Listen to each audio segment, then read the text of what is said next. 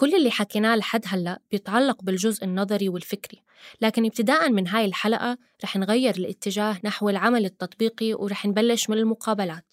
طبعا مش كل البرامج تتطلب مقابلات بيعتمد الأمر على التفضيل الشخصي للمنتج وعلى الموضوع والقالب.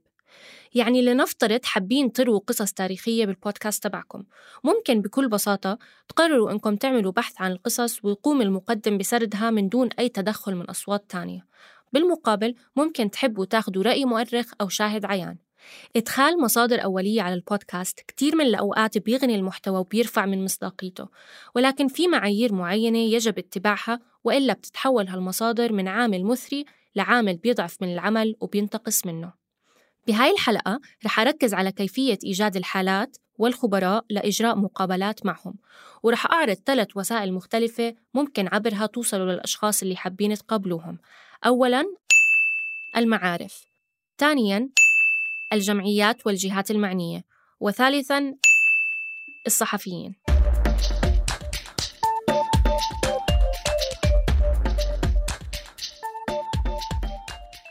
لنفترض أني عم بنتج بودكاست حول مرض السرطان بناقش الوصمة المجتمعية المتعلقة بالمرض.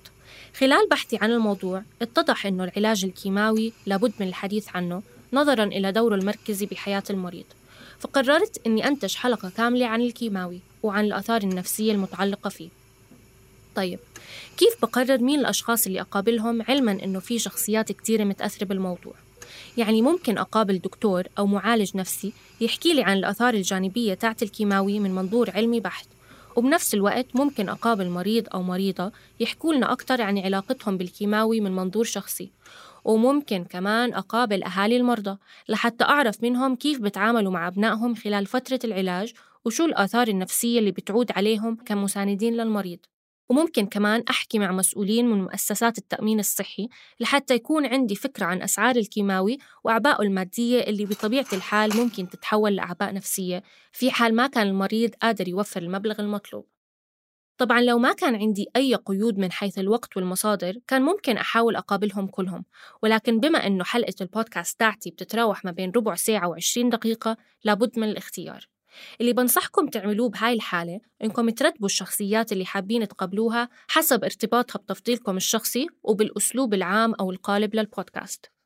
يعني لو كان البودكاست تاعي بميل أكتر لكونه بودكاست علمي بطبيعة الحال رح يكونوا الدكاترة والخبراء هم الأولوية بالنسبة لي.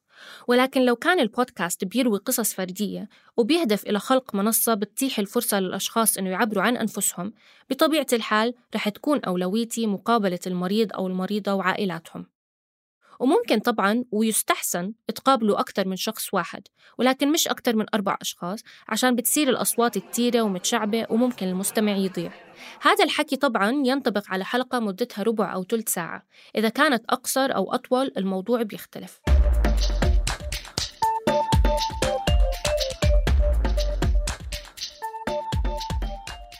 المهم بعد ما ترتبوا الشخصيات حسب الأولوية بتبدأ عملية البحث على أشخاص تنطبق عليهم المواصفات. لنفترض قررت أقابل معالج نفسي ومريض أو مريضة سرطان. وخلينا نصعب الموضوع ونفترض أنه ما عندي أي صلة بأشخاص محتملين. لما توصلوا لهاي المرحلة ممكن تشعروا باليأس وتبطلوا بدكم تشتغلوا على الموضوع. ولكن خليكم صبورين وكونوا عارفين إنه إيجاد الحالات والخبراء من أصعب المراحل بعملية إنتاج المحتوى لأنها بتتطلب وقت وجهد كتير. ما بقدر أوصف لكم قديش إحنا محظوظين لوجود الإنترنت بحياتنا. لو كنت عايشة بزمن ما قبل الإنترنت بتوقع كنت استسلمت من زمان ولا بودكاست ولا صحافة. ولكن الفرص والعوالم العابرة للحدود والأوقات اللي بوفر لنا إياها الإنترنت بتخلي الاستسلام شبه مستحيل. معظم الأشخاص إذا مش كل الأشخاص اللي قابلتهم كمنتجة بودكاست ما كان عندي أي معرفة عنهم قبل إنتاجي للمحتوى. وأكاد أجزم إنه كان مستحيل أوصل لثلاث أرباعهم من دون الإنترنت. خليني أرجع لحلقة السرطان. أول شيء ممكن أعمله إني أكتب status على ال social media. أسأل فيه أصدقائي إنه يبعتوا لي رسالة على الخاص إذا بيعرفوا أي مرضى سرطان أو معالجين نفسيين معنيين بالموضوع. مهم كتير كتير خاصة بهاي المواضيع الحساسة إنه يتم التشبيك عبر القنوات الخاصة بعد ما يتم استئذان الحالة بمشاركة الاسم أو رقم التليفون. يعني كتير مهم تكتبوا بالمنشور إنه ما يتم نشر الأسماء بشكل علني ومن دون إذن الشخص المعني. الحفاظ على خصوصية ومعلومات الأشخاص اللي منقابلهم إشي كتير مهم والأهم منه احترام عدم رغبتهم بالمشاركة. لازم نتذكر إنه إنتاج البودكاست ما بيصير يتم على حساب الحالات اللي منقابلها إحنا بنعمل بودكاست عشان الناس ومش العكس. ما بنبتز الناس عشان البودكاست.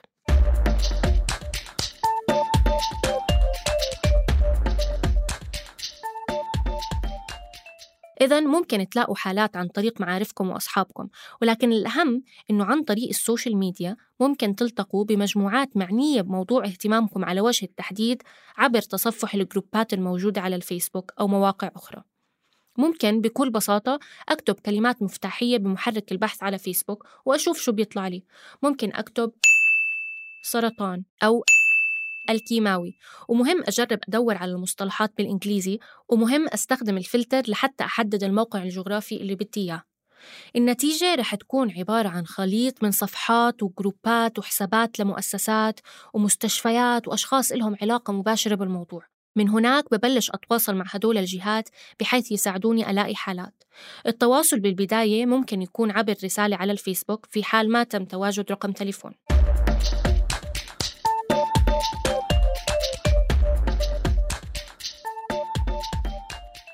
إضافة لمعارفكم وللأشخاص المتخصصين أو المتأثرين بالموضوع في أشخاص تانيين مهم تخلوهم ببالكم الصحفيين أو الإعلاميين. بما أنه مثل ما ذكرنا سابقا ما رح تكونوا أول ناس فكرتوا بالموضوع اللي اخترتوه هذا بيعني أنه في ناس قبلكم مروا بمرحلة إيجاد الحالات والخبراء مثلكم تماما. فمحرز إنكم تجربوا تتواصلوا معهم مش لحتى تقابلوا نفس الأشخاص اللي هم قابلوهم بس عشان ممكن يدلوكم على حالات تانية أو الحالة تاعتهم تدلكم على حالة تانية وممكن يعطوكم فكرة عن المراكز والجمعيات الموجودة. يمكن عم تتساءلوا كيف ممكن توصلوا لهدول الصحفيين كمان عن طريق الإنترنت. استخدموا كلمات مفتاحية على جوجل تحت صفحة ال news واقرأوا المقالات اللي بتصب بموضوعكم. إذا كنتوا حابين تحددوا تاريخ النشر ممكن تضغطوا على tools وتقوموا بتحديد المدة اللي بدكم إياها. بعد ما تقرأوا المقالات ممكن تتواصلوا مع الصحفيين والصحفيات اللي عجبكم شغلهم إما عبر البحث عن اسمهم على ال social media أو على جوجل. طبعا هذا بينطبق على أي محتوى إعلامي ممكن تلاقوه على الإنترنت يعني مش بس المحتوى المكتوب. ممكن تلاقوا محتوى مرئي أو مسموع بتناول نفس موضوعكم. عشان هيك ما تنسوا إنه الاستعانة بيوتيوب مفيدة كتير.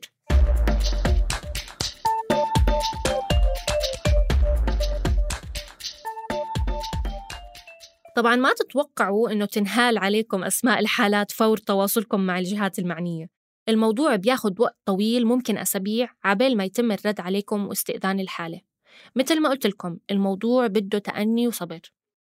بتتذكروا قائمة الأشخاص اللي ذكرتها بالأول؟ خلينا نسترجعها. في حال ما نجحت بالوصول لأي حالة أو خبير بعد حوالي أسبوعين أو ثلاثة ممكن وقتها أحاول الوصول للأشخاص الآخرين اللي كانوا ببالي. ممكن مثلا أحاول الوصول لمسؤولين بالتأمين الصحي وأحول زاوية الحلقة من زاوية تميل للعلم إلى زاوية تميل أكثر للاقتصاد وأثاره على النفسية. إذا بدل ما أتخلى عن الفكرة كلها بحاول أعدلها حسب المعطيات المتوفرة. بالحلقة القادمة رح نبدأ من محل ما وقفنا ومن هون لوقتها دربوا حالكم على الصبر.